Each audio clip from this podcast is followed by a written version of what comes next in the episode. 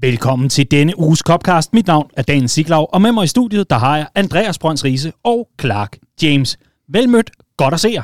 I lige måde, I lige måde, Dan.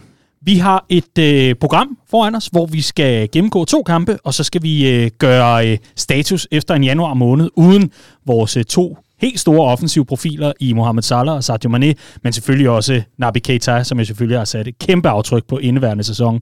Men øh, i hvert fald så gør vi status over øh, fraværet af AFCON-drengene, og hvordan Liverpool har klaret det. Og spoiler alert, Liverpool har klaret det ganske udmærket, trods alt. Her i Copcast, der øh, har vi jo altid gjort en dyd ud af at øh, gå i dybden, analysere, diskutere og øh, ikke mindst øh, involvere vores lyttere. Men lige de her udsendelser her i slutningen af januar, der gør vi det absolut modsatte, når det kommer til lytterinvolvering. Vi tager os i stedet for tiden til lige at dykke ned, og så øh, holder Copcast ellers en øh, fin lille pause i næste uge, hvor vi lige får lov til at strække ben og vinterpause, inden vi går i gang med en rigtig, rigtig spændende februar måned. Men på den anden side af pausen, så er Copcast altså tilbage i øh, de klæder, som vi synes, at Copcast skal være i anno 2022. Tak for øh, den fine feedback, der har været hister her fra øh, lyttere, der synes, at det var godt nok spændende at se Copcast i en øh, lidt anden udsmykning, og øh, vi lover, at øh, I ikke bliver skuffet. Vi vil i hvert fald gøre vores ypperste for, at øh, det ikke bliver tilfældet.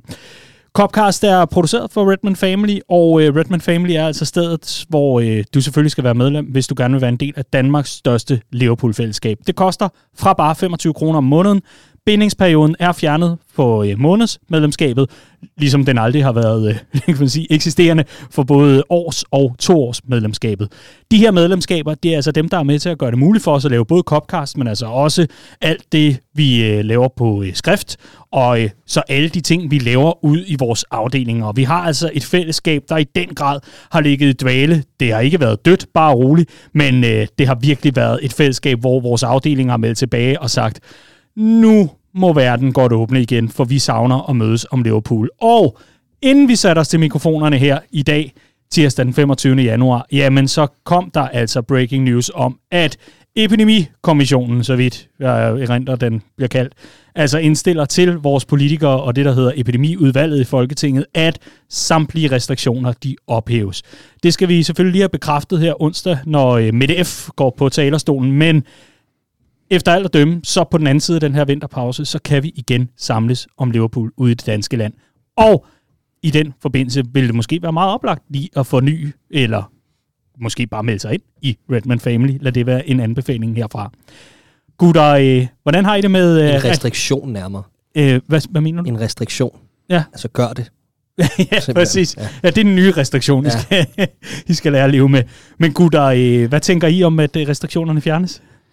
Øh, det, er vel, det er vel svært ikke at være, øh, være svært begejstret for det, skulle jeg til at sige. Jeg synes, ja. det, har været, øh, det har varet længe nok, skulle jeg til at sige. Så hvis det bliver vurderet, at det virkelig er rigtigt, at øh, den her nyeste variant, den øh, godt nok er smitsom, men knap så farlig, så er det vel, så er det vel udelukkende en god nyhed.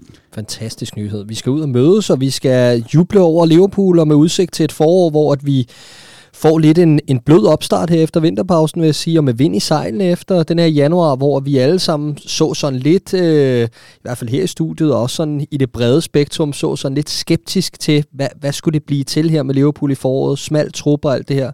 Lige pludselig så er der et andet udtryk og en, en anden følelse omkring Liverpool. Mm. Finale lige om hjørnet og alt det her. Det bliver skide godt. Her i Copcast, der har vi det jo med, at øh, hvis ikke lave jinx, så i hvert fald at øh, fremhæve nogle ting, som så selvfølgelig bliver modbevist øh, ja, ugen efter, og så kan man så ellers sidde der og sige øh, øbø og spille underlæbe. Og øh, lad mig lige øh, tage et lille klip fra, øh, fra weekenden, Andreas. Here is the corner, and it's a hole in one for Virgil van Dijk. Så, øh, så nu hvor du har erklæret pandemien for slut, Daniel, så kan vi regne, så kan vi regne med, at næste uge så kommer der en ny variant væltende ind for Ouagadougou. Øh, og så starter vi forfra igen. Uh, the Copcast Jinx, og I kan godt høre, at jeg snakker udenom, ikke? Jo. Ja. Liverpool på hjørnespark. Den ja. nye variant kommer jo til at hedde beta. har vi ikke haft det? Nå. Øh, ja, jamen det har vi jo været efter Liverpool øh, forholdsvis meget for i den øh, seneste tid. Øh, apropos det her med, at, øh, at Liverpool i starten af sæsonen virkelig hamrede mål ind på Jørgens Park, og stadigvæk er det hold i Premier League, der har scoret klart flest mål efter dødbolde. Men formen har været så sløj øh, det sidste lange stykke tid, og især det der med, at vi ikke bare har kunne ramme en af de to store midterforsvarer, der så bare kan pande den ind. Det skal åbenbart være et eller andet med forlængelser ved første stolpe og, og løb på tredje mand. Øh, og værsgo, her var den så. Øh, vi, jeg vælger at, at også at sende en, en lille tak til Palace-forsvaret i, øh, i det her øh, moment. Det var ikke det sværeste mål, fandt der ikke nogensinde kommer til at score, men hvor var det dog dejligt, Ja. ja, og jeg har jo specifikt været efter Virgil van Dijk for at have mistet noget af den her trussel på Præcis. offensiv dødbolde. Øhm, det, er, det er virkelig godt screenet derinde, og vi så lidt det samme i, øh, i scoringen mod Brentford, hvor det også er, jeg tror det er Jordan Henderson, der screener Ivan Tony ind på midten, og den her gang er det Fabinho, der, der ligesom bare øh, tager Joachim Andersen t- en tur i skolegården, øh, og får det til at, at virke så let, og, øh, og uden at lave noget sådan kriminelt, men ligesom bare stille sig fuldstændig rigtigt sted for at forhindre hans løbebane inde på midten. Det er super godt arbejde, og så ligner det jo, som du også er inde på, Andreas, det nemmeste mål, Van Dijk nogensinde har scoret. Og jeg synes virkelig, det er befriende at se sådan et, sådan et towering header, altså sådan et, hvor den bare bliver kanoneret ind, fuldstændig øh, klart, åbenlyst, øh, sikkert mål i starten af kampen, og så er vi ligesom i gang. Det ja. skønt. Varme tanker og øh, taksigelser til øh, Jeffrey Slup øh, og øh, Joachim Andersen, der altså gjorde det her muligt. Tusind tak til jer. Det var, øh, det var skønt, og det var vidunderligt. Men øh, det er der så meget andet, der har været i øh, den forgangne uge, fordi øh, det går skide godt. Og Liverpool leverer, selvom at det, det kan virke lidt smånervøst. Lad os komme i gang med den her uges udgave af Copcast.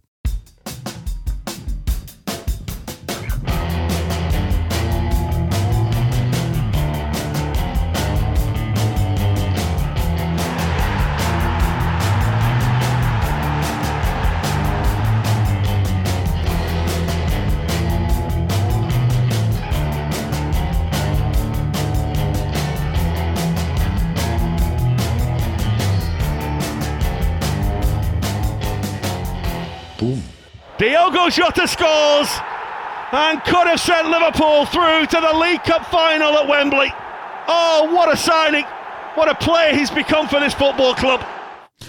We're going to Wembley. Hvor er det fantastisk.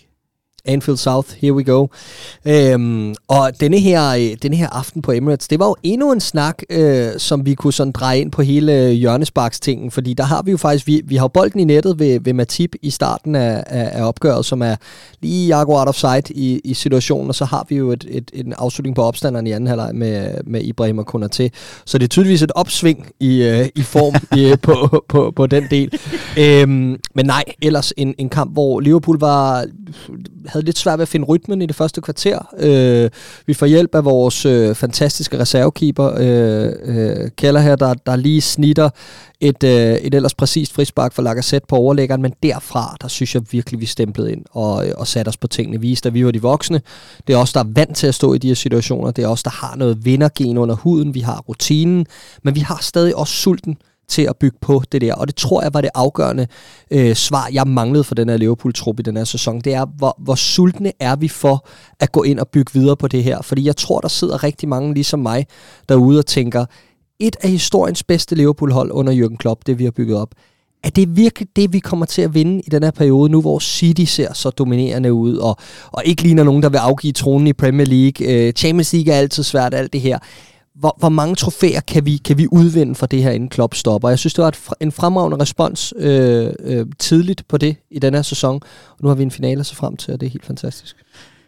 Riese, skal vi øh, tage den fra toppen i forhold til det her opgør mod Arsenal, altså det andet opgør, hvor øh, turen går til Emirates, og øh, her kan vi jo så kaste et blik på vores startelver, fordi øh, altså, det er jo virkelig en overraskelse, ved jeg, for dig, at øh, James Milner ikke starter inden, men Curtis Jones i stedet for får pladsen. Ja, mest af alt overraskende, at, øh, at topscoren i turneringen, Minamino, simpelthen var blevet fravalgt til fordel for en 17-årig jo, ude på, øh, på højrekanten i, i Kate Gordon. Øh, og nej, jeg synes, jeg synes netop, at, at startopstillingen var, var både modig, øh, men også gav rigtig fin mening. Ikke? Øh, fordi selvfølgelig skal Keller her, det kan man altid diskutere det, men når vi når til semifinalen, skal man så stadigvæk øh, starte kopkeeperen.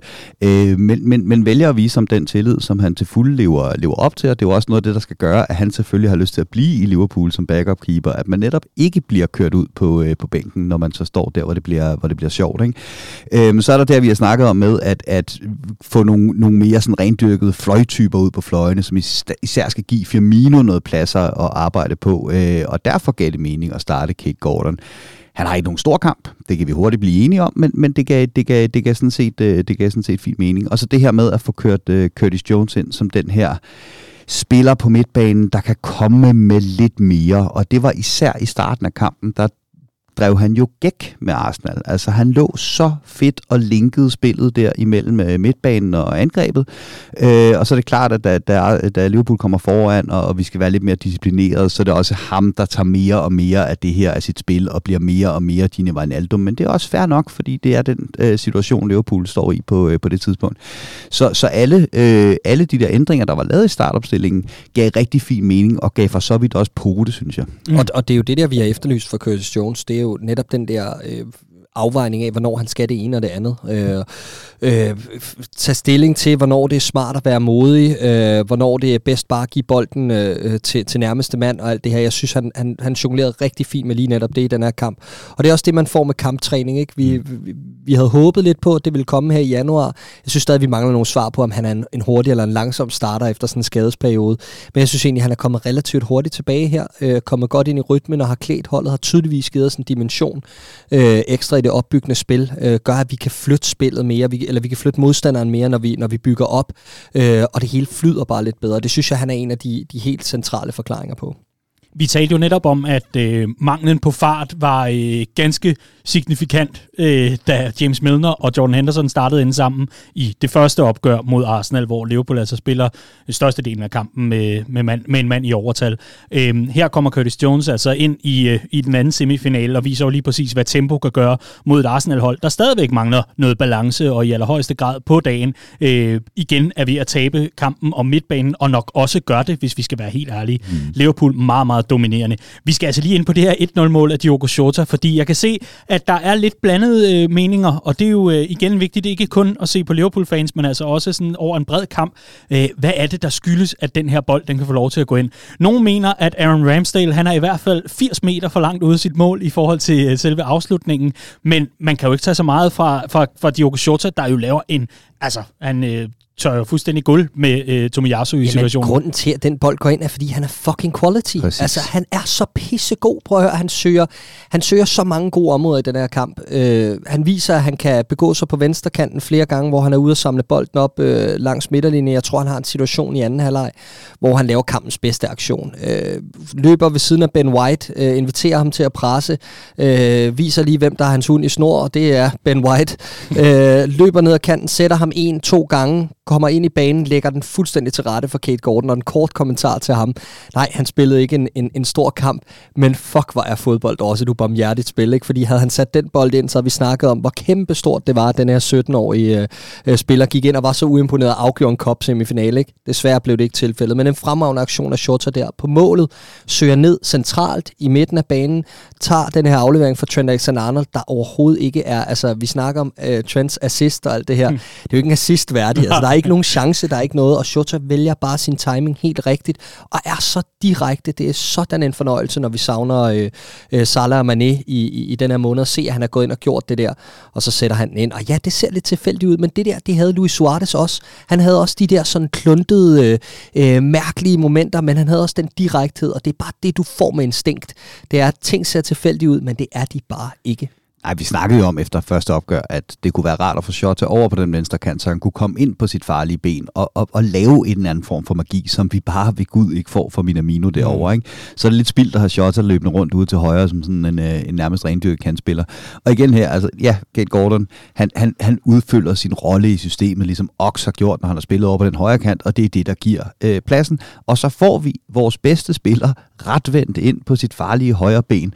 Og ja, ja, så den kære Tomiyasu, han havde haft en lidt tumultarisk optag til kampen, og han ville nok efter kamp ønske, at han ikke havde raskmeldt sig, for han blev revet rundt af Diogo Jota. Øh, men da han så får sat Tomiyasu der, jamen så er der panik i forsvaret, og så er det, du ser instinktet, og han ser, hvor han kan, han kan få den her afslutning øh, mm. afsted hen. Og det der med, at det ikke er en assist værdig for, for, for Trent, jeg synes, den er lidt hård, fordi det er jo netop det her, vi også har med, med Trent, at vi vil godt have ham utrolig smalt ind i banen, mm. altså helt ind og blive ekstra midtbanespiller, når det giver mening, og det kan lade sig gøre. Og det gjorde det bare her. Det mm. var det helt perfekte område, han faldt ind centralt, og så lagde han den der, øh, den der bold ud i, øh, i, i siden, som, ja ja, det er jo ikke sådan en, øh, det er jo ikke sådan en 80 meter pasning, som vi har for vaner at se ham lave assist på efterhånden, men, men, men det er rigtig godt sat op til at få vores farligste spillere på bolden, mm. retvendt mod mål på sit stærke ben, og så sker der bare ting.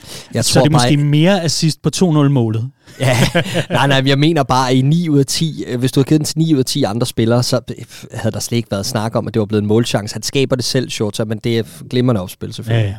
Jeg lagde mærke til Kate Gordon, fordi jeg øh, selvfølgelig var enormt nysgerrig over, hvordan er det, når Liverpool øh, sætter en decideret kantspiller ind øh, på den her position, i hvert fald en, der øh, ikke kender til andet eller til meget andet. Og øh, jeg synes øh, desværre, at øh, Tierney øh, løser opgaven rigtig fint med at få lukket godt ned for Kate Gordon, som ikke bliver nogen opspilstation decideret i, i selve opgøret. Men igen, og som vi også talte om efter øh, Shrewsbury-kampen, lige præcis den her placeringsevne og timingen i at komme ind i det område, der Shota lægger bolden ind, det er det, der er afgørende. Det er at dele med ikke, om man har en pasningsprocent på 66 eller 75 i et opgør mod Arsenal på Emirates. My opinion. Men Nej, øh, sådan er der så meget. 100%. Sådan er der så meget.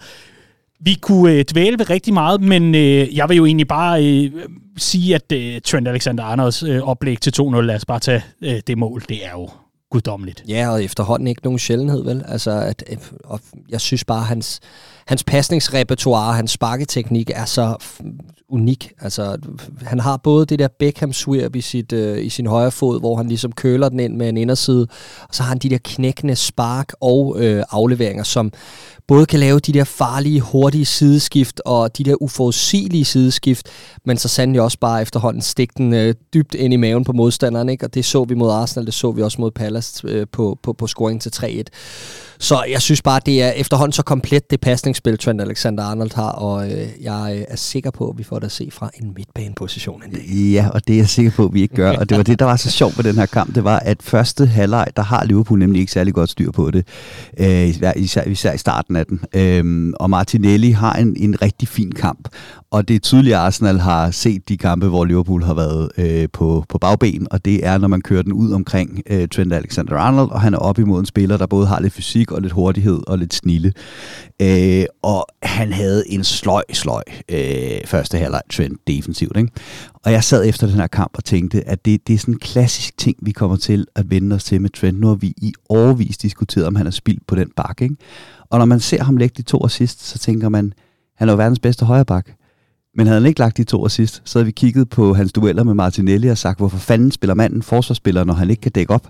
Og den her diskussion, den kommer vi til at have 10 år endnu, og jeg glæder mig. Det bliver fantastisk. Jeg er ikke sikker på, at du har ret, Andreas. Jeg tror, det bliver en del... at fylde 50, og vi er stadig i gang med den diskussion. jeg tror, det bliver en del af udviklingen på det her Liverpool-hold, at, ja. at Trent Alexander-Arnold skal længere frem. Netop for at udrydde de her svagheder i hans spil, og, og få det bedste ud af ham simpelthen. Fordi det bliver jo også på et tidspunkt en ting, der bliver læst, det her med, at at vi gerne vil have vores backs ind og centreret i banen. Det er lige nu en ting, der er oppe i tiden, at, at hold positionerer deres backs øh, rigtig fint, og jeg siger ikke, at det er, det er nemt at finde formlen på at dæmme op for det, men, men på et eller andet tidspunkt, så bliver det også et fokuspunkt øh, defensivt, og for de modstandere, vi møder, så tror jeg bare, at, at Trent vil, øh, vil have det rigtig fint lidt længere frem på banen, hvor han også noget oftere kan komme til især afslutninger. Skal vi starte den der 10-års diskussion nu, eller kan jeg nå at stille et spørgsmål, øh, nu hvor I lige har nævnt navnet på en anden spiller? Øh, nej, lad os bare hoppe videre. Ikke? Okay, fordi netop Martinelli, han er jo øh, enormt interessant, og det er jo altså ikke fordi, at vi skal sidde og diskutere modstanderholdet spillere frygtelig meget her i Copcast øh, på nær, når vi selvfølgelig ser frem mod opgør og så videre, men netop Martinelli får jo en lille hovedrolle efter opgøret, Riese, fordi... Øh, Jürgen Klopp kan simpelthen ikke dyse for lige at sige, ham der, ham skal I holde øje med, han, han bliver stor. Jamen, han er også en rigtig klopspiller, ikke? Øh, og han, han er en virkelig øh, god fodboldspiller. Og så er det også øh, ofte en måde, Klopp går ud og beskytter sine egne spillere på, fordi han ved godt, at Trent havde en lang første halvleg. og, øh, og der skulle justeres noget, og det synes jeg jo så også hører med til, til historien om, om den her kamp. Altså sådan en som Fabinho for eksempel, han er faktisk også relativt ringe i første halvleg, men det er tydeligt, at vi lige får justeret nogle ting, som blandt andet handler om, at just, øh, Fabinho, øh, Fabinho kommer over og ligge lidt mm. mere på Martinelli og give Trent Trent noget, noget opbakning derude.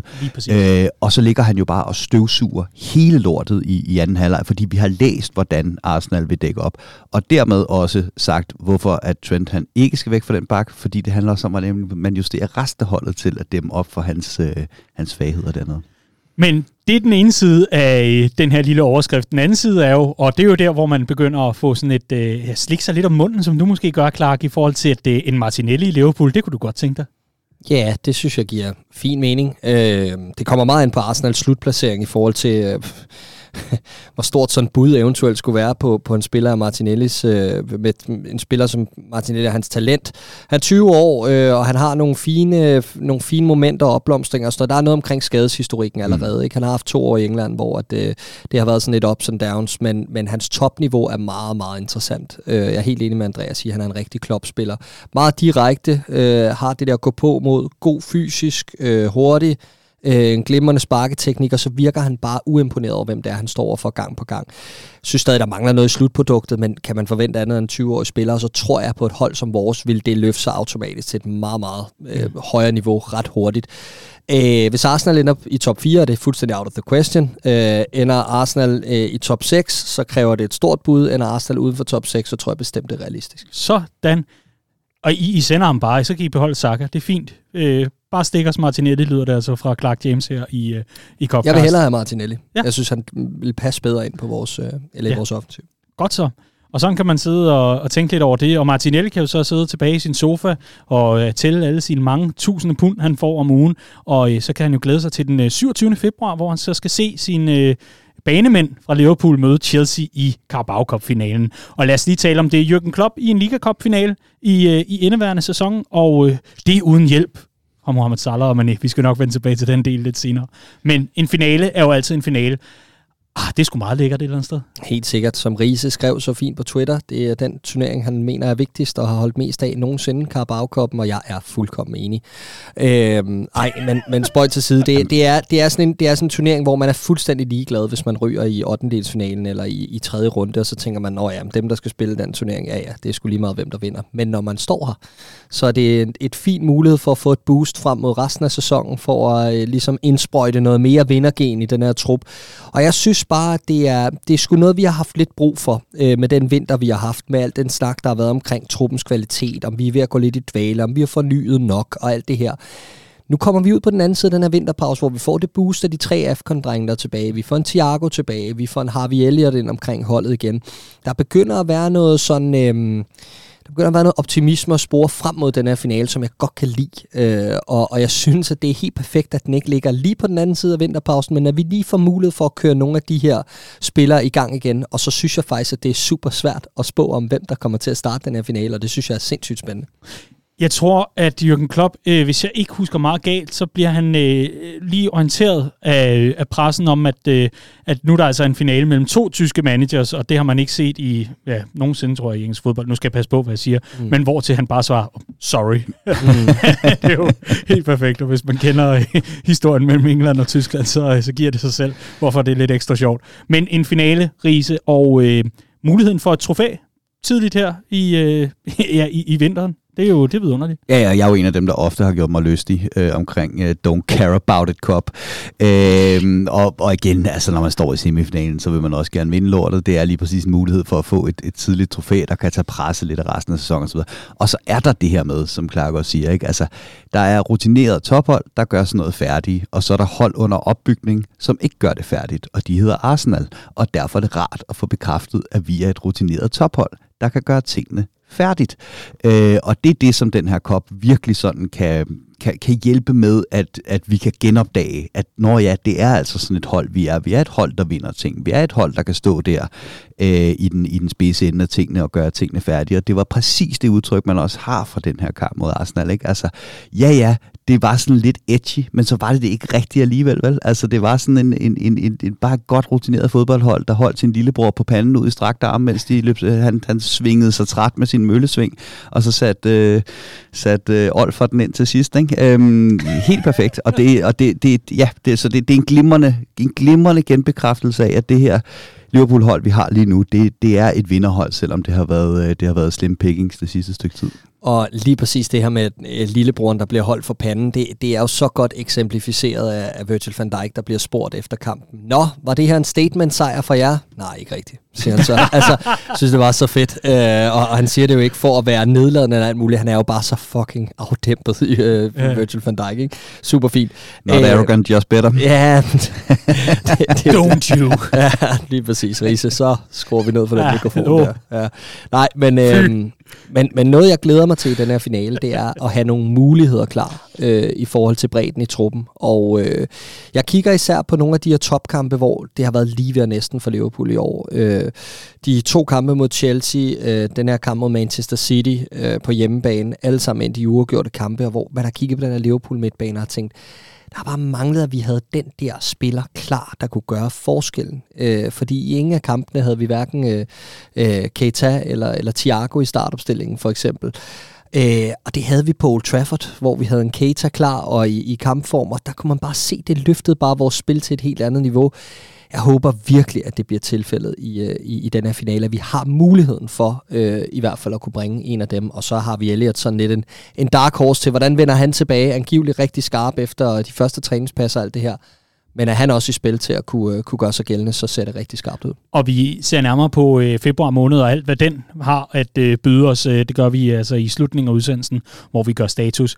Men øh, der blev spurgt ud på Facebook-siden på et, øh, på et opslag om... Øh, Keller skulle have lov til at stå den her øh, Carabao Cup-finale mod Chelsea, og øh, altså, det var et rungende ja, der lød fra øh, de mange medfans, som altså blandede sig i øh, debatten, for selvfølgelig skulle han det. Og vi har været inde på ham, men, men vi kan jo gøre det igen. Hvor er vi dog altså velsignet med så dygtig en anden målmand. Ja, det var helt vildt. Og, og altså, at han piller den der med, uh, med, med, ja, med, med fingerspidserne øh, på det frispark der for Lacazette, men gør det på den der måde, hvor det ikke sådan er tv-redningagtigt, men netop faktisk indgyder tro på tingene og, øh, og, og ro. Ikke? Og det var det, han gjorde igennem hele den her kamp. Øh, der var brug for netop, mens Arsenal svingede sig trætte, at man bare følte, at man var ovenpå og i kontrol og han indgød bare ro hele kampen igennem, og derfor har jeg heller ikke nogen betænkeligheder ved at lade ham stå den her finale. Jeg mener faktisk, at han har niveauet. Jeg mener ikke bare, at det er sådan en charity-ting. Og så handler det for mig også rigtig meget om, hvem man har som første keeper. Har man sådan en første keeper, hvor det kan bryde rytmen og skabe lidt utilfredshed, og der er nogle keeper, der bare gerne vil stå hver gang, øh, så vil jeg sige, altså fuck it ind med Allison. Men Allison virker også som en utrolig moden fyr, der tager sin, øh, sin, sin rolle som øh, mentor øh, for de yngre keeper seriøst også, og som selvfølgelig øh, under Kelleher at spille den her kamp, og derfor synes jeg også, det giver fin mening, at han skal det. Ja, og øh, Altså øh, Kelleher, som holder buret rent i begge opgør mod Arsenal. Det er jo også værd at tage med. Ja, Alisson stod den første. Undskyld, ja, det er jo, det er jo dumt sagt. Men han skulle have stået den første. Ja, det var kun på grund af, på grund af, at Alisson manglede kampform til, lige præcis. til det opgør, at han ikke stod den. Og jeg, jeg vil bare lige sige kort øh, omkring øh, Kelleher, at øh, det er jo bekræftet, at han kommer til at stå mm. finalen. Mm. Klopp har været ude og, og, og lægge en streg under det, så der ikke er nogen, han ikke går med den der øh, utryghed omkring det i februar måned, men han i stedet kan forberede sig på det, det er fint. Det er skønt, og øh, hvis de sådan til sammen kan blive en form for hybrid, eller i hvert fald sådan en klon af hinanden, så er vi altså godt stillet en, en form for Kellison. Det, det vil altså være vidunderligt. Men netop... Ali her. Ali her. Det, det var ikke det samme. Kellison har lidt mere svir og lidt svung over sig. Jeg kan ikke blive enige om, at hvis vi blander de to, så er det Allison skæg, vi går med. Så kan, så kan Keller, få, Keller have få, det ved jeg ikke. Er der ikke en derude med Photoshop, der kan, der kan prøve at lave sådan en klontegning? Men øh, vores første målmand havde vi i allerhøjeste grad også brug for her i weekenden, da Liverpool tog turen til øh, Selhurst Park.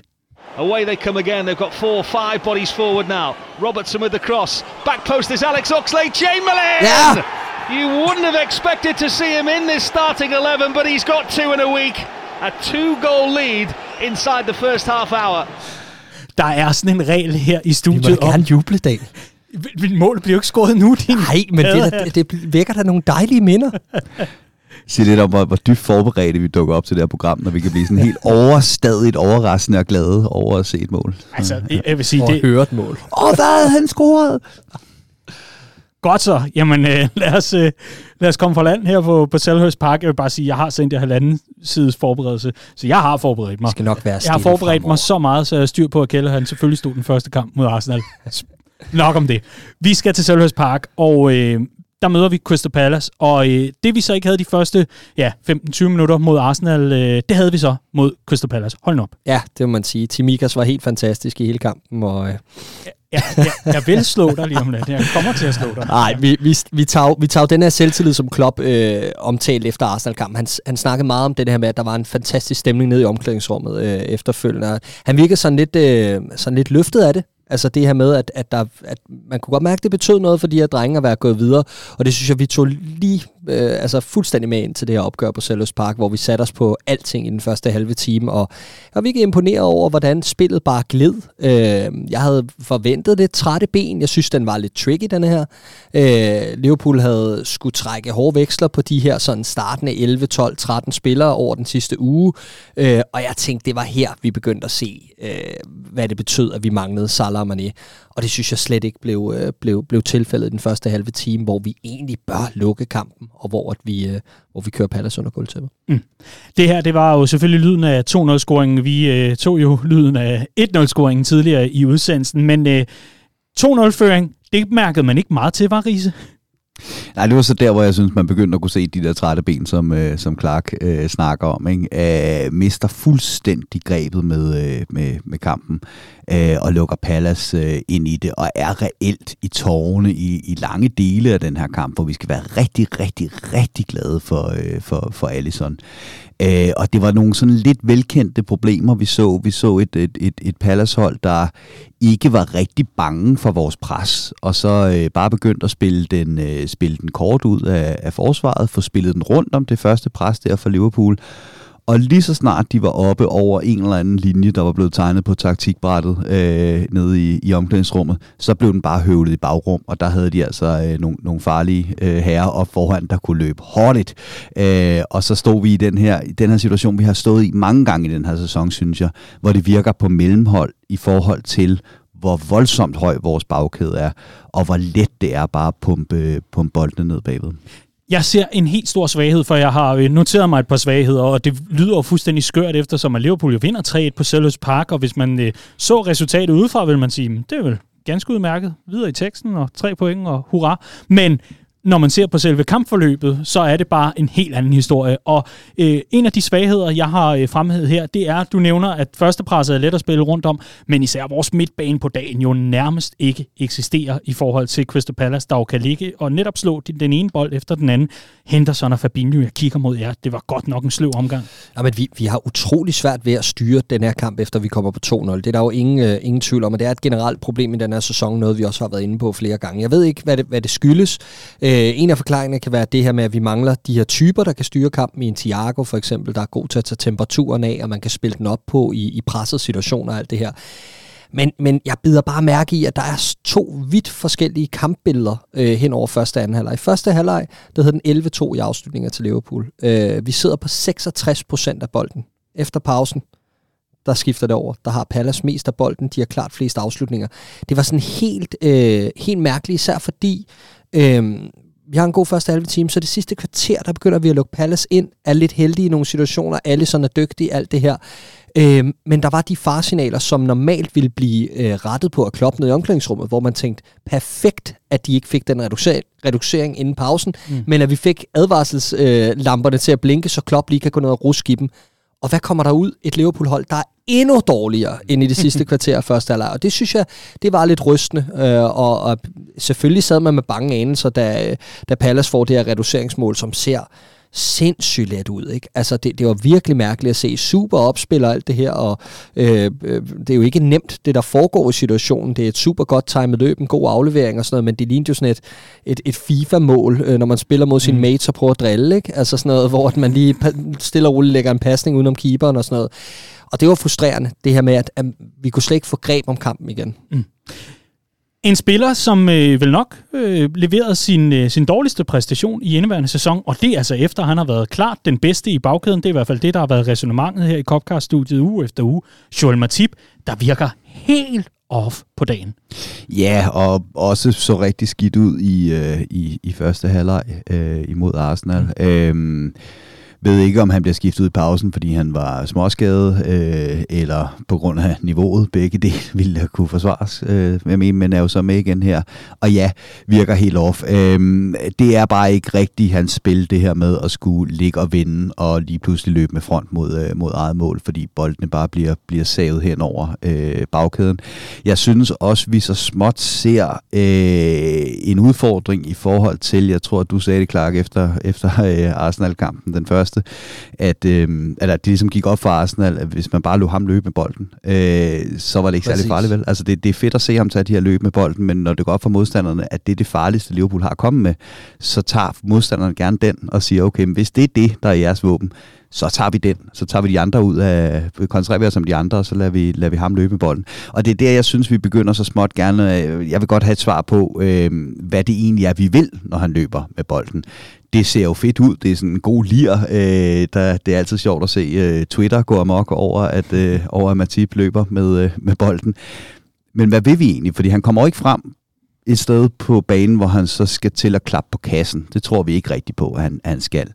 Jeg synes heller ikke rigtigt, at han prøver på at stikke bolden i dybden, og så ender han sådan set bare med at lægge den kort ud til Trent øh, til højre for os, og så har vi ikke rigtig rykket spillet. Øhm, til gengæld virker det som om, at der er flere Liverpool-spillere, der skal tænke over, hvad de egentlig skal gøre nu, når Matip løber med bolden. Ikke? Der er nogen, der giver nogle pasningsmuligheder, nogen skal dække af bag til for ham osv. Mere end de andre tænker over, hvad de egentlig skal gøre, når Matip løber med bolden. Nej, øhm, ja. Det er, jo, det er jo lidt interessant. Ja, og, og, og det der, hvor jeg, han, han virkede bare sådan u, urytmisk, ikke rigtig inde i kampen, og kunne ikke rigtig få noget til at flyde hverken med eller uden bold. Det er, det er jeg egentlig enig i. Det har været en, det har været en svær uge for Joel Matip, men jeg, jeg ved ikke, jeg, jeg synes, det bliver lidt overtænkt, det her med, hvordan det er, når han er på bolden og sådan noget. Jeg synes stadig, at han har de her pasninger op gennem kæderne, som gør os farligere i visse situationer. Når, og han, er, når han har løbet med den? Nej, når, når han, øh, du siger det med, ellers så vælger han at lægge den ud til Trent. Jeg synes også flere gange, at, at han spiller den op gennem kæderne normalt. Nu har han haft en skidt uge, ja ja, men det synes ja, men, jeg ikke er et generelt problem. Jamen, det er helt med på, men, men det, det er, når han, når han modtager den ned i bagkæden, mm. og så spiller den op mellem kæderne. Men mm. når han tager de der løb, ja, hvor han så ja, har taget fire true. træk på den, og så kan du se, der bare går panik i Liverpool, mm. i stedet for modstanderne ja, over, fordi nu, hvad, hvad, hvad skal vi nu? Ikke? Jeg skal også huske at bringe en anden øh, kammerat ind i, i billedet her, for jeg kan simpelthen høre i hvert fald øh, et, et par hundrede Liverpool-fans, som har bemærket det rundt omkring, og også i vores kommentarspor til øh, diverse opslag på Facebook-siden og, og så videre. Det er Virgil van Dijk i, øh, i det her, fordi det er over i området omkring ham og Andy Robertson, at løben de kommer efter, at Joel Matip øh, manglende første pres for Hendo og, øh, og Fabinho inde på midten, kommer så op omkring Matip, der heller ikke får bolden fravristet for en Palace-spiller, og så bliver der ellers slået i dybden. Og der er det den her placeringsevne i forhold til Matip, Virgil van Dijk, Robertson, hvordan bagkæden den egentlig er administreret, som jeg også finder forholdsvis kritisabel i opgøret her, fordi Palace jo netop får frit spil. Ja, ja, og det, det, det, det er ikke, altså jeg synes Van Dijk spiller en, en okay kamp her. Det er slet ikke det niveau, vi, vi, vi, vi har set ham på, øh, set ham på tidligere. Øh, selvfølgelig er det, er det ikke det, men, men, men synes han spiller en okay kamp. Jeg synes også, der er noget i det her med, at det lykkedes sådan set flere gange også at trække øh, offside. Øh, og, og det er jo det, vi gerne vil, når vi står øh, deroppe. Og det, det, det hører også med til, øh, til, til historien, og det hører med til historien, den her åndssvagt forpulede lorteregel om, at de skal holde fladet ned, gør, at vores forsvarsspillere ikke får den umiddelbare succesfølelse af at have trukket en modstander offside, fordi at man skal spille situationen færdig. Ikke? Øh, men, men, men nej, sådan helt generelt ikke en, øh, en, en, en, en fantastisk forsvarskamp af nogle af de to. Men du glemmer lidt, at det, det gør, at fladet skal blive nede, indtil situationen er færdigspillet. Ja, vi får Allisons redning. At Allison ja. kan få lov at ligne Lene Ranta der på toppen, ikke? Ja. Det er, jeg synes at det var... Ja, det er Ej, altså synd, når man er så pæn, han som blev, Allison er. Han blev lige spillet lidt, uh, lidt varmt i starten på, på den første redning, og det, det, det tror jeg ikke var skidt, men jeg er helt enig generelt, at det, ja. selvfølgelig, at det selvfølgelig skidt. Men Riese, du har en vigtig pointe her i forhold til Allisons redning der. At den ikke tæller nogen Ja, ja. kæmpe problem. Præcis. Mm. Ja, tillykke med det, smid den på dine YouTube-highlights, ja. men altså, hvis den ikke tæller i statistikken. Den er blevet unfootballed. ja, præcis. Unfootballed. Mit spørgsmål til dig, Clark, det er ja. her, øh, nu taler vi lidt om, at øh, Joel Matip, han får det rigtig svært med at, at skulle løbe mod eget mål, når boldene de vælter ned i bagrummet. Vi har altså en mand siddende ude på bænken, han kommer ind i anden halvleg mod Arsenal her, Ibrahim Konaté, som jo netop har lige præcis den speed, der skal til for at kunne løbe de her situationer op, så frem at øh, de måtte opstå, som mm. for eksempel mod Palace. Synes du, at Klopp, forstår mig ret, svigter lidt her ved ikke at bringe Konaté i spil fra øh, anden halvleg for eksempel, og netop få styr på den del? Nej, det synes jeg egentlig ikke. Men jeg synes til gengæld, at, øh, eller jeg er ret sikker på, at han bliver spillet ind fra efter vinterpausen. Jeg tror, det er, det er nu, at han skal spille sammen med Virgil van Dijk. Altså man kan sige, at Matip har jo aldrig spillet så meget fodbold nærmest, som man har i den her sæson, og der er flere, der har trætte stænger i den her ben, og det, eller i den her kamp, og det synes jeg også, man kan se, at, at Matip har. Men, men helt grundlæggende, nej, ikke nogen god kamp for Matip, men problemerne er altså større længere fremme på det banen. Det er de nemlig. Øh, altså det er stadigvæk det her problem, der hedder, at midtbanepresset ikke sidder, som det skal. Og så står vi og blomster med den her høje bagkæde på midten. Jeps. Og så er det altså et spørgsmål om, enten skal midtbanen gøre det bedre, eller også skal, tage, skal Klopp tage den beslutning om at lade bagkæden falde lidt. Og der har vi bare stået før i den her sæson, og det er irriterende at skulle vinde tilbage hertil. Jeg synes, han bliver mere og mere overflødig, øh, Jordan Henderson, i øjeblikket, og øh, synes, det er lidt en skam at se. Jeg synes ikke, vi får det bedste ud af ham. Øh, jeg synes egentlig, han har løftet sig en lille smule, efter vi var efter ham for et par uger siden.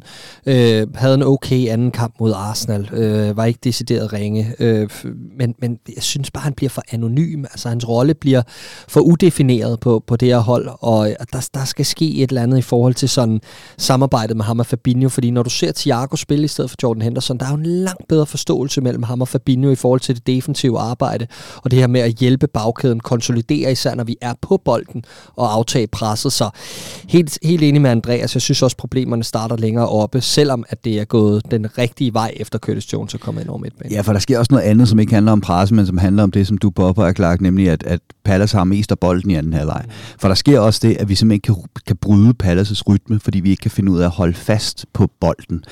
Uh, og der er nogle forskellige spillere, man kan kigge på øh, med mere kritiske øjne end andre i den forbindelse. En af dem hedder selvfølgelig Roberto Firmino, øh, som, som har nogle fuldstændig horrible første berøringer i den her kamp, som, som vi en gang imellem ser ham have. Og ham skal vi også have i gang som en troværdige spillere, man kan spille bolden op på, som så kan holde fast i den og få sat noget, noget spil op. Det var ikke en god kamp for, for Roberto Firmino, det her. Men så har vi også det her på midtbanen, hvor vi tidligere, vi har jo aldrig haft de her sådan øh, Thiago-agtige spillere, der, øh, der kan spille sig ud af presset, øh, som, som han, når han er øh, på topniveau, er en af verdens aller, allerbedste til. Det vi til gengæld har haft, det er, at vi har haft sådan nogle robrødspillere, som aldrig tabte bolden. Altså en Gini Wijnaldum og en Jordan Henderson. Det var ikke fordi, de sådan driblede sig ud af et pres, eller, ja. øh, eller sådan med fine tekniske detaljer gjorde en, en, en masse fint i den del af spillet. Men de kunne bare formå at spille den rundt mellem hinanden, indtil der åbnede sig et område, så Liverpool kunne vende spillet, og de tabte aldrig den bold der er bare ikke, der er ikke noget, der hænger fast på den midtbane i sådan en kamp som, øh, som den her. Og det gør, at Liverpool bare ikke kan få brudt det her, øh, det her kontinuerlige pres, som, som Palace ligger på os indtil vi får en meget stor hjælpende hånd med at gøre det, ved at kampen bliver stoppet i 8 timer på grund af et varetjek. Ikke? Yes. Øhm, ja, så var, så var kampen slut der. Fair nok, men det var det, der skulle til. Ellers så var det bare den her bølge efter bølge, hvor man sad og tænkte, er der ikke en, er der ikke en voksen til stede her? Er der ikke nogen, der kan minde det her Liverpool-hold om, at det er dem, der er det bedste af de her to fodboldhold, og som fandme skal kunne finde ud af at sætte et spil, også når de er under pres? Mm. Og det er jo lige præcis det, man får, når øh, skaderne nogle engang er fordelt, som de er, og mængden af minutter i benene, den øh, er så stor, som den er, og så videre, og så videre. Det lyder lidt som om, at det er sådan et, øh, et kollektivt meltdown i øh, længere perioder, hvor øh, den ene kæde svigter den anden, og øh, så er det altså, man får den her ubalance, al den balance, vi ellers har ros Liverpool for at have i mange andre øh, perioder af sæsonen, den, øh, den er altså helt væk i øh, store dele af opgøret. Men vi vinder altså 3-1 i, øh, i det her opgør, og spændende skal det blive. Jeg jeg synes stadigvæk, at den her John Henderson-debat øh, er lidt interessant. Uh, en midtbanedebat i Copcast, nu har jeg der aldrig. Men jeg synes i allerhøjeste grad, John Henderson får vi det bedste ud af, når han får lidt pauser i ny og næ. Jeg, jeg, jeg synes i allerhøjeste grad, at vi ser en John Henderson, der er ved at nå op i alderen i forhold til, hvad han har energi i stængerne. Fordi hans første meter uden bold, øh, når han har trætte stænger, de er godt nok langsomme. Men når han har fået en lille smule pause, eller ikke er, er lige så belastet igennem længere perioder, så får vi lige præcis øh, gode gamle Hendo, som øh, mor lavede ham nærmest, ikke? Jo, og det er lidt det, tilbage til den her med, at Jordan Hendersons lederegenskaber er uforlignelige, og har vi, dem har vi brug for på det her fodboldhold. Men det, der skete med Jordan Henderson i den der sæson, hvor vi vinder Champions League, det var, at han, han blev sat af holdet, og så kom han lige pludselig ind igen, og var rent faktisk en spiller, der også kunne gøre noget på egen hånd for at skabe tænding i en, i en fodboldkamp. Det var ikke bare at rende rundt og råbe af medspillerne. Han, lige pludselig så kunne han også rent faktisk påvirke kampen selv med de ting, han gjorde med bolden. Øh, og det vil være noget tid siden, vi, vi har set det. Og så er vi lidt tilbage til den her Henderson, som, som ikke rigtig kan sættes af, fordi han er vigtig som, som leder, men som ikke går forrest på banen med det fodbold, han spiller. Og det er et problem. Mm. Liverpool ligger altså øh, i talende stund på en anden plads. 22 kampe er der spillet, 48 point, og man har altså 9 point op til Manchester City med 57 point efter 23 kampe. Man har altså en kamp i hånden og kan øh, lukke holdet lidt yderligere med, øh, med 3 point i øh, den øh, kamp, man har øh, i overskud. Og øh, det betyder altså, at øh, skulle City snuble fuldstændig og tabe et opgør, som Liverpool så vinder tilsvarende ved siden af, jamen øh, så kan Liverpool selv afgøre det, gjorde du lige opmærksom på, inden vi satte os til mikrofonerne, Clark. Ja, vi, jamen, vi er jo simpelthen en, en rundes øh, fiasko for Manchester City, og en succes for os, for at vi øh, sådan set selv kan afgøre sagerne. Det synes jeg, det synes jeg er sådan et, et opløftende stat at gå på vinterpause øh, med.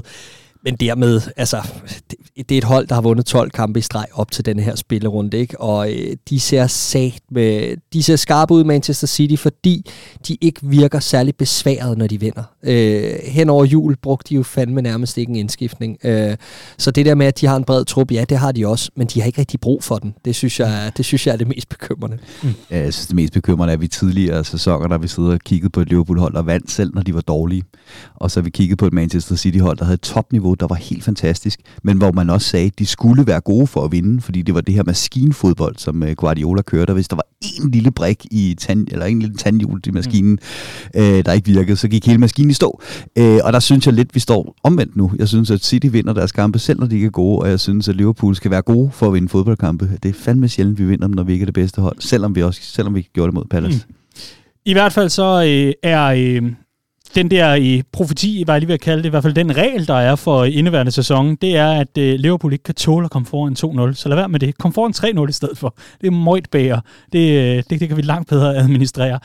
Der er en øh, frygtelig masse godt øh, læsestof inde på redmanfamily.dk. Der er også endnu mere på vej, men øh, i allerhøjeste grad øh, i forhold til, øh, hvordan Jürgen Klopp har øh, håndteret fraværet af Mohamed Salah og øh, Sadio Mane. Det har jeg set lidt nærmere på en artikel, man kan gå ind og læse øh, kvitterfrit ind på redmanfamily.dk eller ind i vores app. Og der er der også sådan nogle øh, små øh, screenshots fra øh, de forskellige opgør, hvor man kan se blandt andet, hvad øh, Robertson og Trent, de altså ligger og brillerer med i øh, den her periode. Og lad det være vores overgang til, at vi skal evaluere januar måned og øh, hele perioden uden Mane, Salah og Keita.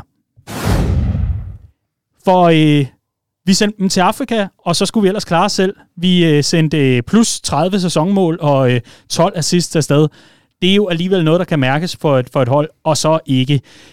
Onde tunger vil sige, Riese, at øh, det her, det var et kampprogram, som var overskueligt for Jürgen Klopp, og det var ikke så slemt øh, endda, når det nu engang kom til, øh, man, at man manglede de her store profiler. Men ret skal være ret, skal det ikke. Jürgen Klopp, han har administreret det her fravær ganske udmærket. Altså, jeg er bare overrasket over, at vi går videre, inden vi har snakket om bar. Det tror jeg, der er mange, der har glædet sig til at høre ja. særligt dig snakke om, øh, ja. efter den her Crystal kan, Palace Kan du se mig øh, gå kamp. om to minutter? øh, men, øh, men, men der, så bare sige, at man kan følge dig på Twitter, hvis man vil have din, øh, din, din analyse af den situation. Ja, jeg har stoppet med den nu. Ja.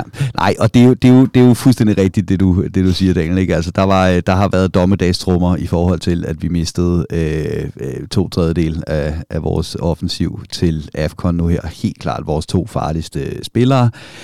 Øh, og særligt i en periode, der hedder øh, januar, som plejer at være i forvejen en sløj periode for Jürgen Klopp øh, i Liverpool. Og så har der hele tiden været dem, der pegede på, øh, ro på, det er trods alt kun de her enkelte kampe i, Premier League, øh, og så kommer der noget, noget, noget Carabao Cup. Øh, Øh, og grunden til, at jeg ikke var helt beroliget øh, af det argument, det er, at øh, lige præcis de kampe plejer gerne at være en lille smule tricky for Liverpool. Øh, netop det her med at kunne nedbryde de her hold, der måske står lidt øh, dybt, og øh, når vi mangler fart og bevægelse øh, op øh, foran. Men altså, jeg, jeg synes ikke, der er så mange andre konklusioner, man kan komme frem til, end at det, det er fremragende trænerarbejde, det har vi set, øh, vi har set Jürgen Klopp gøre her. Øh, vi har været inde på det her med, at han har taget nogle spillere og så givet dem nogle lidt andre roller. Han har ikke bare sagt, du skal ind og være reserve, øh, reserve Salah, du skal ind og være reserve, men, øh, men har brugt spillerne i de roller, de nu engang er bedst. Oxlade Chamberlain som den her højre kant, der ved Gud ikke skal være alt for meget på bolden, øh, for det plejer ikke at gå så godt, men som i højere grad skal ligge og, øh, og, og søge dybt i feltet og modtage nogle dybe indlæg fra øh, Robertson, som han har været rigtig dygtig til, som du også pointerer rigtig fint i dit skriv, øh, øh, Daniel. Så, så sådan helt grundlæggende er der blevet jongleret godt med, øh, med brækkerne, men også rent mentalt, synes jeg, Klopp har gjort et rigtig stort stykke arbejde her i januar, som du siger, Clark, ikke? Dermed, at det var sgu en stor ting at gå videre for den her. Det var sgu fedt at se, at vi kan gå fra så stor en skuffelse i første kamp mod Arsenal, skulle undvære de spillere, vi nu engang skal, skal give 17-årige den chance på højre kant, som han selvfølgelig øh, skal have, og så alligevel gå ind og levere så modent og overlænt et udtryk, som vi gjorde i anden kamp. Det er altså ikke bare øh, lige til. Så, så som udgangspunkt, så må konklusionen på det her med, at vi har skulle, skulle undvære øh, de her spillere, øh, som har været udskrevet til øh, en, noget en katastrofe, det må være godkendt også mere end det. Ja, også mere end det. Altså, der er så meget snak om det her med, øh, hvad Pep Guardiola gør i City, og han har revolutioneret fodbolden. Øh, Thomas Tuchel har haft et rigtig godt år i Chelsea, men Jürgen Klopp går ind for mig og viser, hvorfor han er helt unik i den her måned, hvorfor han er øh, alt det, som alle de andre toptrænere forsøger at spejle sig i på øh, mandskabsdelen, og samtidig har det element af, at han er utrolig undervurderet taktisk. Øh, han er dygtig til at omgive sig af dygtige mennesker på det punkt, øh, som hjælper ham helt sikkert. Men for mig er det her årsagen til, at Jürgen Klopp er verdens bedste manager, og det er han fordi, at han går ind og gør mennesker bedre. Han går ind og kigger på det, han har til rådighed, og så siger han, prøv at høre, nu lukker vi os om hinanden, og så har vi vores, eget lille, vores egen lille boble her. Lad være at lytte til dem udenom. De snakker om manglende bredde. Hør på dem i Copcast, de idioter alle sammen. Sluk for det, ikke? Altså, kom, kom ind. og så gør han et eller andet, øh, som, som bare skaber det her stærke kollektiv, der får selv 17-årige Katie Gordon til at tro på, at han er øh, reservesaller. Øh, han, han får Reserve Minamino, måske. Han, han får Minamino til at, til at, til at flytte. Ja, men altså, han laver et fantastisk mål mod Shrewsbury ikke? i sin, i sin Anfield-debut. Ja, ja, ja. Og, og en, en Minamino, går ind og fortæller Minamino, at, øh, at ja, det kan godt være, at du sparker den der over, men du har stadig en rolle i, i ja, den her ja, trup. Ja, ikke? Og, øh, Oxlade Chamberlain, prøv at alle siger, at du er færdig og, og ikke har nogen rolle at spille her, men, men prøv nu at høre, nu får du lige de her kampe, og, og så går han ind og leverer. Og det er det her, jeg synes, øh, Klopp gør så exceptionelt, og som jeg ikke tror, der er mange andre managers, der vil kunne øh, med, med det, de har til rådighed i en topklub, hvor presset stadig er der udefra, selvom han fortæller sin trup, at det ikke er der synes, det er helt exceptionelt, og øh, jeg er faktisk lidt skuffet over, at jeg bliver overrasket gang på gang, øh, fordi øh, man, man burde have haft tiltro til det, men, men jeg tror også bare, man er jo bare, øh, man, er jo, man har ar på sjælen efter den sidste sæson, ja. hvor man kunne kigge lige ind i krystalkuglen og, og se det her med, at når man, hvad gør vi med, med centerbacks, hvis vi ikke får løst den her i januar, efter Van Dijk blev skadet, og ganske rigtigt blev det jo et problem, øh, men igen svigtede Klopp jo ikke, da sæsonen skulle afgøres, og fik rettet skuden op og leveret det, der var påkrævet. Så altså, eh, alt i alt, fantastisk præstation endnu en gang, og jeg synes ikke, at det får nok kredit rundt omkring. Ja, jeg, jeg er enig, og så er jeg uenig, ikke? fordi på den anden side, så kunne det sgu også være befriende, at den fucking bredde bare faldt godt og grundigt igennem endelig, så vi kunne få nogle nye spillere. Ikke? Øh, fordi nu, nu kører vi videre en sæson mere med, med de samme spillere, for de viste jo, da det blev øh, business end, at de godt kunne steppe op. Ikke? Så er det spørgsmål, om de er gode nok over at være bredt over en hel sæson, og også når det er bedre øh, øh, modstandere, vi skal møde. Men det tager ikke, det tager ikke noget for, øh, for Klopp, og det er fantastisk trænerarbejde. Og, og en, en, en spiller, jeg synes, det er meget meget vigtigt at nævne her, det er faktisk Diogo Jota. Øh, fordi han har nu i halvanden sæson bevist, at han godt kan komme ind og være en del af den her fronttrio og, øh, og, og er god nok til Liverpool osv. Men der er fandme forskel på at, at, at, at være det, altså være en rotationsspiller med nogle af de andre øh, bananer, øh, så vanlige bananer deroppe og læne sig op af, og så gå ind på et hold som Liverpool, som skal vinde, fordi de er det bedste hold, og du er the main attraction. Det er dig, alle kigger på, både fans, medspillere og modspillere og det hele, og så gå ind og levere, så gå ind og, øh, og, og, og, og afgøre kampene på, øh, på den måde, som, som han har gjort det.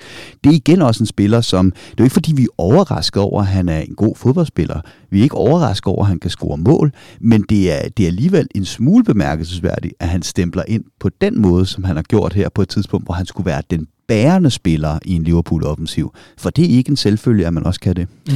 Øh, og så er jeg enig og uenig, fordi jeg synes jo, at han har været, han har været glimrende her i, i den forgangne uge i de to kampe mod, øh, mod Arsenal, selvfølgelig i semifinalen, hvor det var ham, der stjal øh, overskrifterne på Emirates.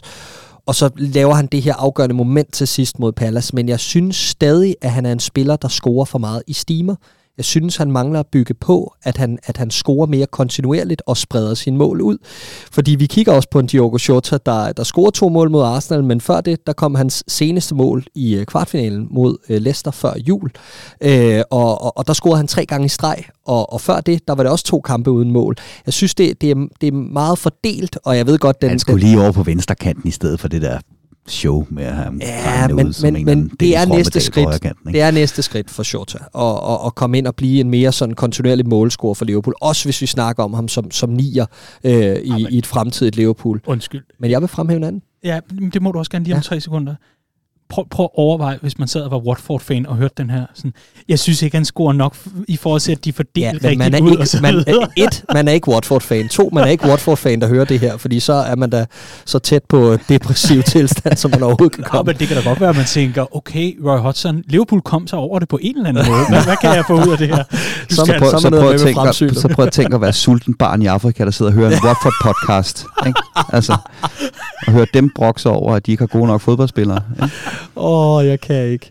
Nå, men uh, du vil gerne apropos, apropos stabile målscorer, så vil jeg fremhæve Fabinho, fordi hold kæft, hvor har han været vigtig for os her i januar.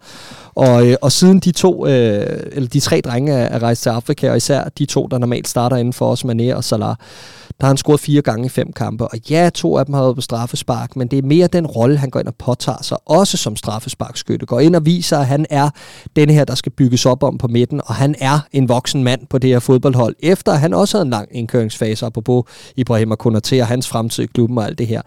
Jeg synes bare, at det, det sætter bare en tyk streg under, øh, hvor, hvor veletableret den her Liverpool-stamme trods alt er. Selvom der er skader og fravær og alt muligt andet, så kan vi bare regne med de her, de her søjlesignings, vi har lavet i Van Dijk, Fabinho, Allison, selvfølgelig de to, der var afsted til, til, til AFCON og alt det her.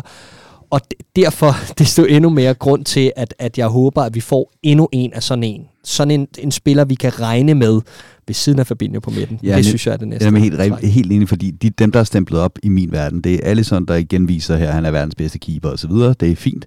Og så en uh, Andy Robertson nede på den venstre pakke der, mm. som også har haft en, en, en on-and-off sæson, for ikke mm. at sige et par on-and-off sæsoner nu her, hvor han har været sindssygt træt i sidste sæson, og ikke rigtig har kunne levere på det niveau, vi har været vant til at se ham på, og der gik reelt snak om, om Kostas Semigas havde slået ham af. Ikke? Øh, det har han ikke længere. Øh, vanvittig øh, januar måned, han, øh, han, han også har haft. Men så synes jeg også, man ser, netop som vi har snakket om, hvor er det så, at tingene er faldet igennem? Og det er på midtbanen. Ikke? Altså, ja, ja, Fabinho er stemplet ind, og det er fint, men hold kæft, hvor burde vi kunne regne med mere fra øh, en spiller som Jordan Henderson og fra øh, og, øh, og øh, Firmino, ikke? Øh, som ligger og falder ned i det her mellemrum og, og bliver ekstra midtbanespiller.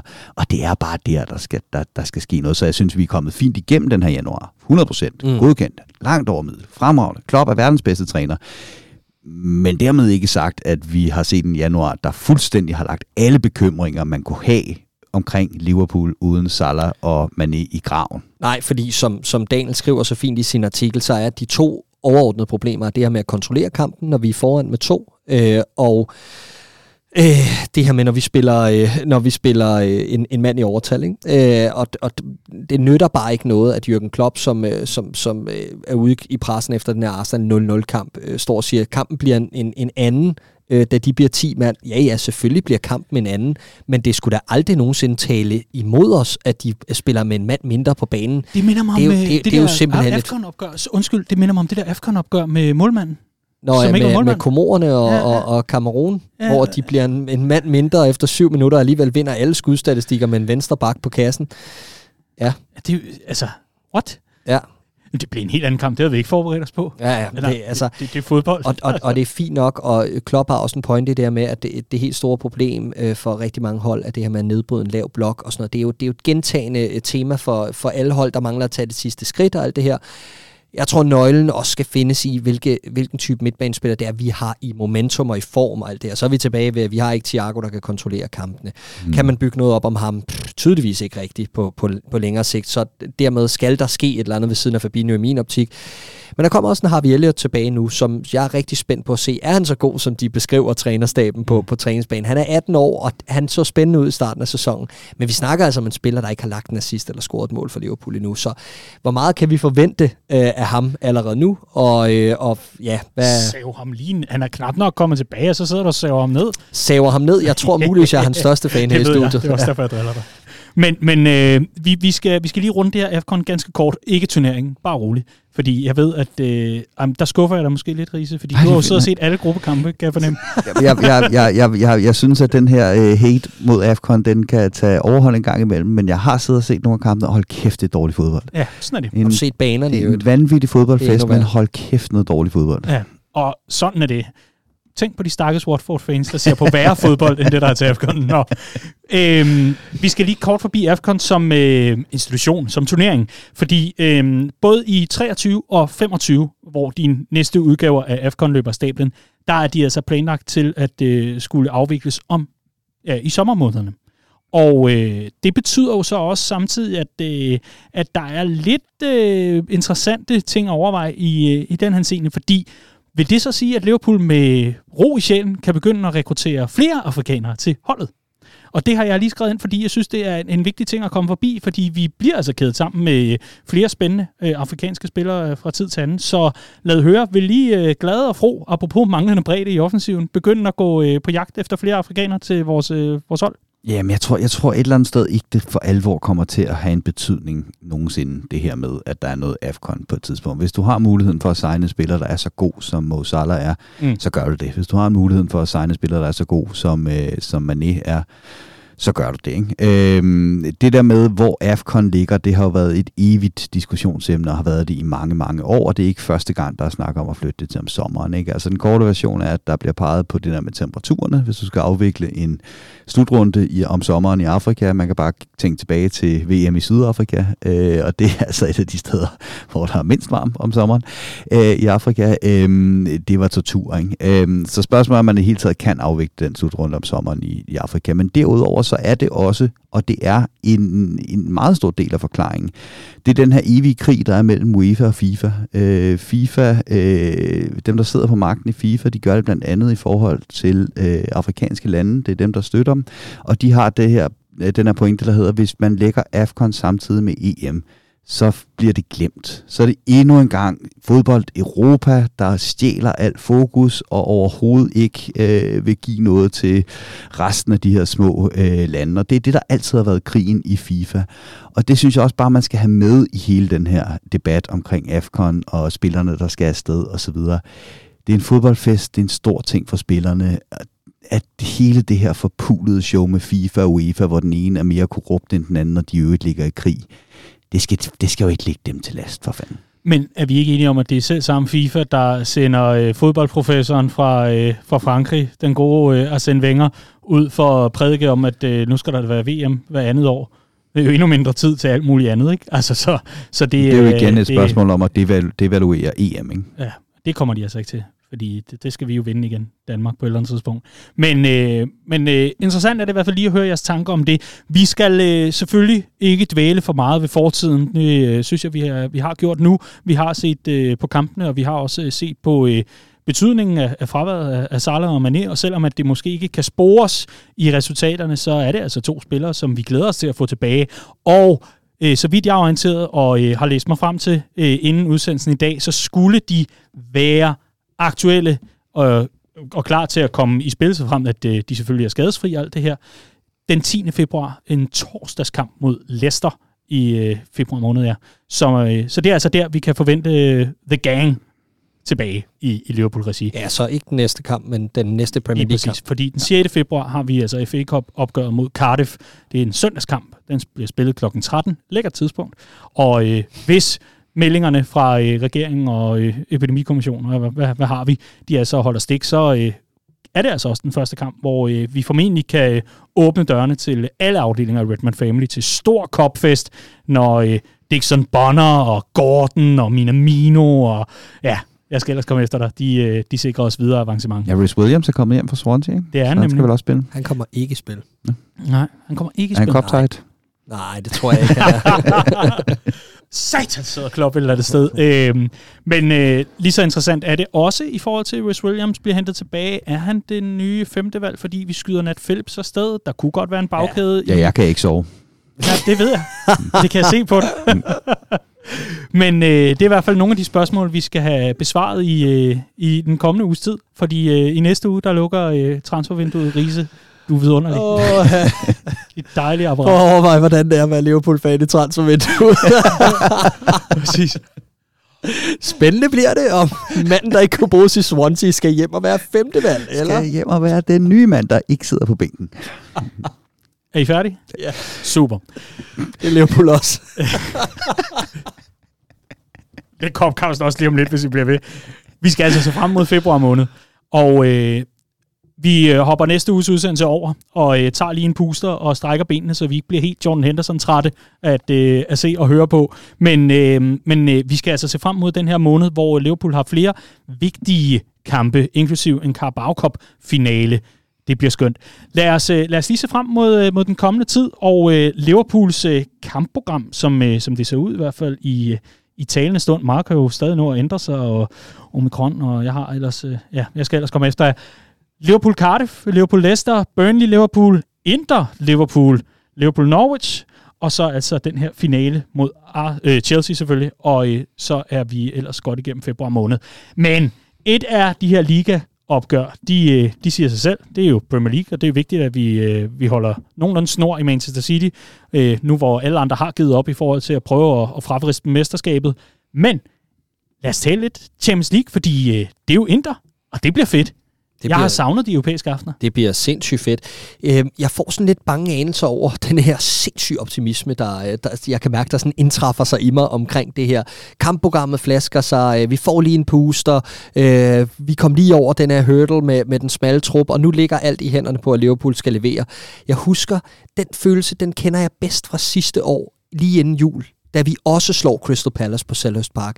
Vinder 7-0 på udebane, øh, fejrer jul på førstepladsen. Øh, der var både Thiago og flere andre spillere tilbage på træningsbanen op til den kamp, og så fik vi lige klaret frisag, op til at vi fik nogle flere kræfter, noget mere bredde ind, og så styrtede øh, hele projektet ellers i grunden for, øh, for sidste sæson, fordi vi havde kørt for hårdt på pumperne på nogle af, af de spillere, der var tilgængelige. Men jeg tror bare, det er anderledes her, fordi denne her vinterpause kommer til at give os noget tid til at kunne, øh, kunne arbejde på nogle ting, øh, blandt andet nogle af de her problemer, som har været øh, et tema i den her sæson, det her med holdføring, og det her med, at øh, hvordan vi sådan... Øh, ja, skaber et overtag i kampene, og den her struktur, der skal spilles ind nu øh, frem mod det sidste heat i sæsonen. Så når jeg kigger på det her, så kan jeg ikke komme udenom, at, at optimismen er bare stadig velbegrundet. Altså, det, vi får så mange instrumenter at spille på tilbage på den anden side, som vi ikke har haft i januar, hvor vi har rettet skuden op efter en, en lidt hosende og hakkende december, hvor vi faktisk havde øh, både Salah og, og man ikke klar, men, men hvor der var formsvage momenter i dem begge to, synes jeg.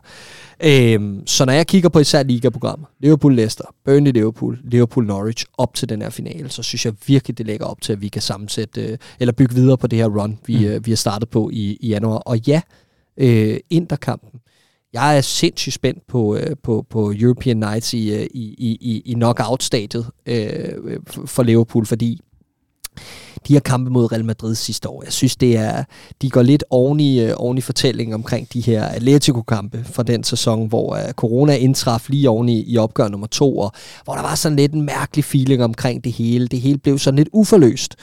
Øh, og jeg sad sgu og tænkte, den her Real Madrid returkamp, altså havde Anfield været fyldt, så havde vi jo klappet dem sammen. Ikke? Vi, vi gik ud og satte os på det og, og, og brænder nogle store muligheder, men får ikke lige det der, den der tur i den, eller får sat det pres på, på Real Madrid, som, som publikum kunne have hjulpet med.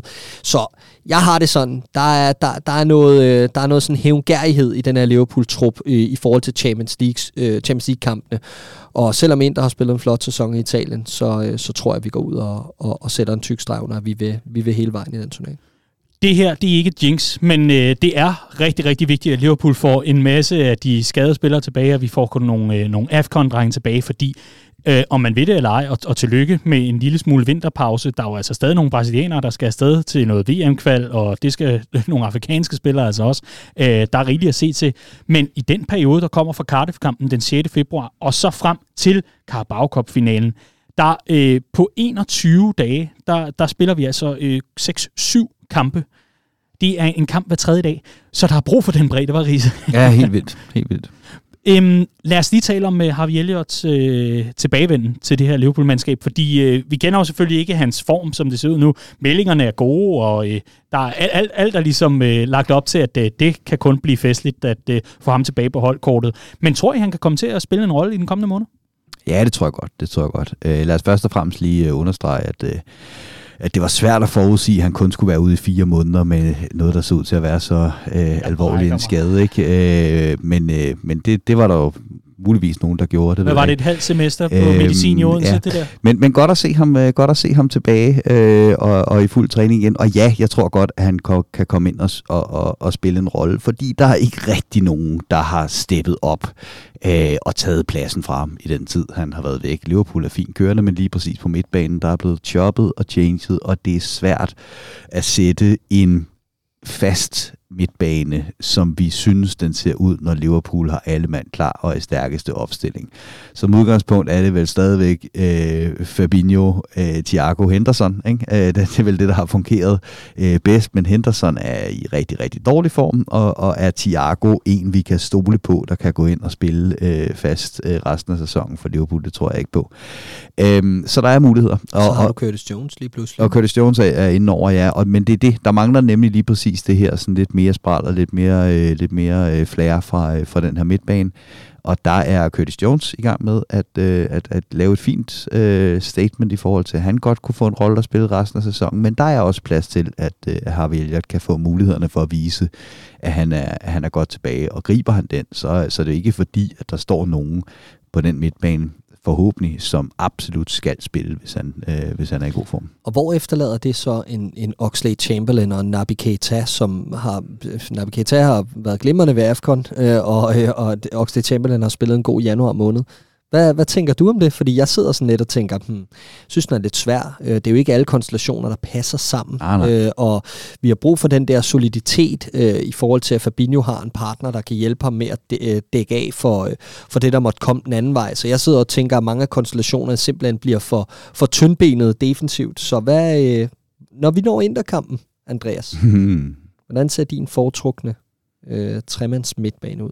Øh, til det første opgør, og lige præcis den kamp, der, er, der hvis, hvis alle mand er klar, så er det Fabinho, Thiago og Henderson. Ikke? Øh, det er øh, soliditeten og rutinen og, og, og alt det her. Men som sagt, der er sindssygt mange kampe, øh, så der skal nok blive plads til, at andre kan blive prøvet af. Lige præcis Ox, der har jeg det sådan, ja, han har spillet en rigtig fin øh, januar, efter han blev rykket op på den der højre kant og har fået nogle meget begrænsede arbejdsopgaver, og det er fint. Øh, jeg har stadig svært ved at se ham øh, blive en fast øh, del af den her centrale Liverpool midtbane, og mine følelser for Naby Keita er velkendte. Interessant. Vi skal øh, også lige kort forbi, jeg ved godt, vi har omtalt ham lidt, men vi, vi skal altså forbi øh, Thiagos øh, tilbagevenden og, og hvad, hvad det betyder. Vi har været lidt inde på, hvad han bidrager med, og hvad vi mangler, når han ikke er med. Øh, er der en, der har lyst til at, at sætte lidt ord på øh, betydningen af at have ham til rådighed, og hvad, hvad, hvad det kan gøre ved Liverpools spil? Betydningen er enorm. Han er verdensklasse. Øh, fuldstændig fantastisk i forhold til, at øh, øh, går enormt meget under radaren i forhold til hans øh, spilforståelse og øh, game management, altså hvordan han, han formår at træffe beslutninger, som ikke er ham. Det er svært, fordi det, det åbenlyse er, at han laver, stadig, han laver stadig fejl, så meget han er 18 år, når han er på bolden indimellem. Han laver de her pasningsfejl, hvor man tænker, hvad, altså, du, er, du er 30 år gammel, du burde være vokset for det der. Mm men, men ud over den ene halvanden gang, han gør det i en kamp, så gør han bare så meget progressivt for Liverpools øh, midtbanespil, og hans, hans øh, forståelse sammen med Fabinho i presspillet gør samtidig så meget for, at vi kan dominere kampene. Mm. Øh, at han så er lidt, lidt en, en, en ukontrollerbar spiller i forhold til hans, øh, hans, hans visioner og nogle gange fantasi i måden at bygge spillet op på, det får man med. Øh, og, og det vil jeg sige, det er jeg selv overrasket over i forhold til, hvad jeg havde forventet, vi fik fra en, en rutineret spiller som Thiago. Øh, Øh, men, men man kan bare ikke, ikke underkende denne her, øh, når, når du har den her øh, øh, midtbanetrio, som er vendt sådan, at Fabinho er den defensive, og du har to offensive, så kan det nemt gå hen og blive for tyndt øh, den anden vej. Thiago finder den der mellemvej, som en af de eneste. Henderson gør det også, når han er allerbedst. Men han finder den der mellemvej i både at være Fabinhos defensive partner, men også at give nok frem af banen til, at vi ikke savner noget offensivt input fra en tiger eller lignende. Øh, så han gør rigtig meget af det, vi, jeg også synes, at Matip har været god til til tider, det her med at lægge de her øh, de her meget underspillet bolde op gennem kæderne, de her uforudsigelige momenter, som gør, at vores offensive spil flyder bedre. Og det, øh, det er noget af det, vi har savnet øh, i store perioder, synes jeg. Mm. Ja, men altså, det er en korte version af en, en Thiago i, øh, i, i form, og som spiller en god kamp var det, vi savnede mod uh, Crystal Palace. Altså det er det, der kan give os den kontrol med kampen. Som og mod Leicester på manglede, Og mod Leicester for den tages skyld. En Thiago, øh, som han desværre også kan være i sin Liverpool-karriere, øh, var den Thiago, vi så mod, øh, mod Newcastle. Øh, og det var en Thiago, der havde gjort, at vi havde tabt den kamp mod Crystal Palace. Ikke? så så det, det, det er stadigvæk lidt alt, men jeg er helt enig. Altså det, det er den gode gamle klassiker med 4-3-3, og hvilken vej vender du trekanten. Og det, som Xavi i Barcelona i sin tid var ekspert i, det var at være den spiller, der gjorde, trekanten kunne vinde begge veje. Og det er det, vi får med, med Thiago, som vi ikke rigtig får fra nogen andre. Altså, det er en ny trekant. Den, den gamle trekant ude på siden med Jordan Henderson nemlig. Er det ja. en triangel, undskyld? Præcis. Mm. Undskyld. Ja, men, øh, men apropos det, fordi de to ting kan godt spille sammen, og det er det, jeg rigtig gerne vil se. Jeg synes da, da Liverpools sæson så, så allermest spændende ud, det gør den faktisk nu, synes jeg, men, men da den på et tidligere tidspunkt i sæsonen så allermest spændende ud, der var det, da vi havde slået Leeds 3-0 på udebane, og da vi havde set denne her midtbane-konstellation med Fabinho, Thiago og Harvey Elliott fungere i, øh, i 60 minutter, eller hvad det blev til, men hvor vi, hvor vi kører Leeds fuldstændig over efter, efter landskampspausen med en Thiago, der ikke rigtig øh, havde fået særlig mange minutter, en Harvey Elliott, der var ny ind omkring holdet, at de kunne gå ind og have så meget spilforståelse og løfte øh, Liverpools øh, kombinationsspil til et så højt niveau, ud fra, at de aldrig rigtig havde spillet sammen, ud fra, at der manglede kamptræning, ud fra, at der var en 18-årig på banen, der ikke havde særlig mange førsteholdskampe. Det synes jeg virkelig gav noget tro på, at den midtbanekonstellation, hvis jeg kunne vælge, at vi kunne få en øh, konstellation klar i 10 kampe i streg, så ville det være den. Nu får I lige muligheden for at tænke lidt. Mm-hmm. Hvis I skulle øh, nævne en grund til, hvorfor man skulle øh, melde sig ind i Redman Family, så kan I lige tænke over det, fordi øh, så kommer I med jeres pitch lige om lidt. Inden da, så vil vi i hvert fald øh, begynde så småt at runde af for øh, den her uges udgave af Copcast, hvor øh, vi har været vidt omkring og øh, fået taget temperaturen på Liverpool, og et øh, Liverpool, der ser øh, markant anderledes ud, når vi kommer ind i den nye måned. Som øh, nævnt et par gange tidligere i udsendelsen, så øh, springer vi altså over i næste uge og øh, tager sådan en hviler for lige øh, styr på, hvad der skal ske fordi der er en lille genåbning af landet, som øh, ser rigtig spændende ud for mange af vores afdelinger. Det ligger altså øh, absolut på vores øh, øverste prioritet i, i forhold til at øh, få den del på plads inden det. Og øh, så vil vi egentlig bare sige, at øh, Copcast her, det er en fornøjelse at lave, og vi er så taknemmelige for alle dem, der øh, byder ind med øh, ris, ros og feedback, og øh, Bella og Birdies og alt muligt andet. Vi glæder os til at præsentere den nye udgave af, af Copcast på den anden side. Altså, bare roligt, det er ikke, det er ikke fordi, at man man, man lige pludselig begynder at få sådan noget valesang eller sådan noget, mens vi sidder og gennemgår kampen. Det, det, det bliver bare en lidt anderledes måde, vi, vi sætter det sammen på. Et, et shivekort på lyd, ikke? Jo. Bliv medlem. Det var din grund. Nej, I skal have lov til lige at nævne øh, en grund. Hvorfor skal man melde sig ind i øh, Redman Family? Clark? Jamen det skal man, fordi du har jo været inde på det her med genåbningen. Det er, det er en helt stor ting. Vi er så meget båret af de her sociale oplevelser, vi har sammen i hele landet. Øh, der kommer en masse fede lokale arrangementer i løbet af forårssæsonen. Og går det, som jeg godt kunne forestille mig, det går Liverpool, så kommer der også nogle større events at tage fat på i løbet af forårssæsonen. Fordi jeg tror, at Liverpool spiller sig rigtig langt i de interessante turneringer. Og så er vi lige pludselig blevet en dark horse i det her mesterskabsræs. Det synes jeg også øh, gør det hele rigtig interessant og kan, øh, kan lægge i kakkeloven til nogle store dage. Oven i det, så er sådan en som dig, Daniel, jo blevet mere aktiv i forhold til at skrive nogle ting ind på vores hjemmeside, og man kan blive lidt klogere på, på nogle af de analyser, som Riese ellers plejer at være rigtig god til at, at, at skrible ned sammen med vores øh, datafyr, Christian Rønsholdt. Øhm, og det kommer der meget mere af fra, fra os alle sammen. Jeg lover også at komme i gang snart. Øh, jeg har blandt andet et, et kæmpe tema i otte bind om Harvey Elliott, og hvad han kan bidrage med til, til det her Liverpool-hold. Spøj til side, der kommer meget mere aktivitet på, øh, på hjemmesiden i forhold til analyser og, og skriverier. Og så øh, begynder vi at lave lidt mere på lyd, øh, fordi Copcast får en, en, et nyt øh, sådan look, men det betyder også, at vi kommer til at skære det lidt op, så der kommer et lille ekstra format frem mod weekenderne med kig frem mod kampene osv. Så, videre. så mm. der er en masse materiale at tage fat på, en masse oplevelser i vente, og øh, det skal man se frem til som ja, medlem. Lige præcis. Du nævner det altså ganske udmærket, at øh, der er nogenlunde styr på øh, organisationen og strukturen efter et par lange og meget, meget øh, udmagrende år med øh, pandemi og alt muligt andet. Og nu er vi altså klar til at lægge al den energi, som øh, vi elsker at lægge i alt vores indhold. Rigtig, rigtig udmærket opsummeret. Riese, du skal også lov til at nævne din grund. Ja, yeah, men altså, som Papa altid sagde, hvis ikke du bukker under for gruppepres, så får du ikke nogen venner. Og det er sådan, at alle de seje børn er medlem af Redman Family. Så hvis du også vil være et sejt barn, så er du nødt til at blive medlem. Jeg synes... Alle seje børn. Alle. Hver og en Sejbørn. Det kan altså være, at øh, dit øh, betalingskort er udløbet, for eksempel på dit medlemskab. Du troede egentlig, du var aktiv. Nå, det var du ikke lige pludselig. Jamen, øh, gå ind og tjek det ud ved at øh, logge ind redmanfamily.dk eller i øh, vores app, som du kan hente til øh, både Android og, og iPhone. I sidder med de der skimske smil begge to. Hvad er der? Der er ikke noget. Der er ingenting. Det er i, i nogle seje børn af. Ja, det er vi. Ja, I nogle rigtig seje I nogle drillepinde. Ja, ja.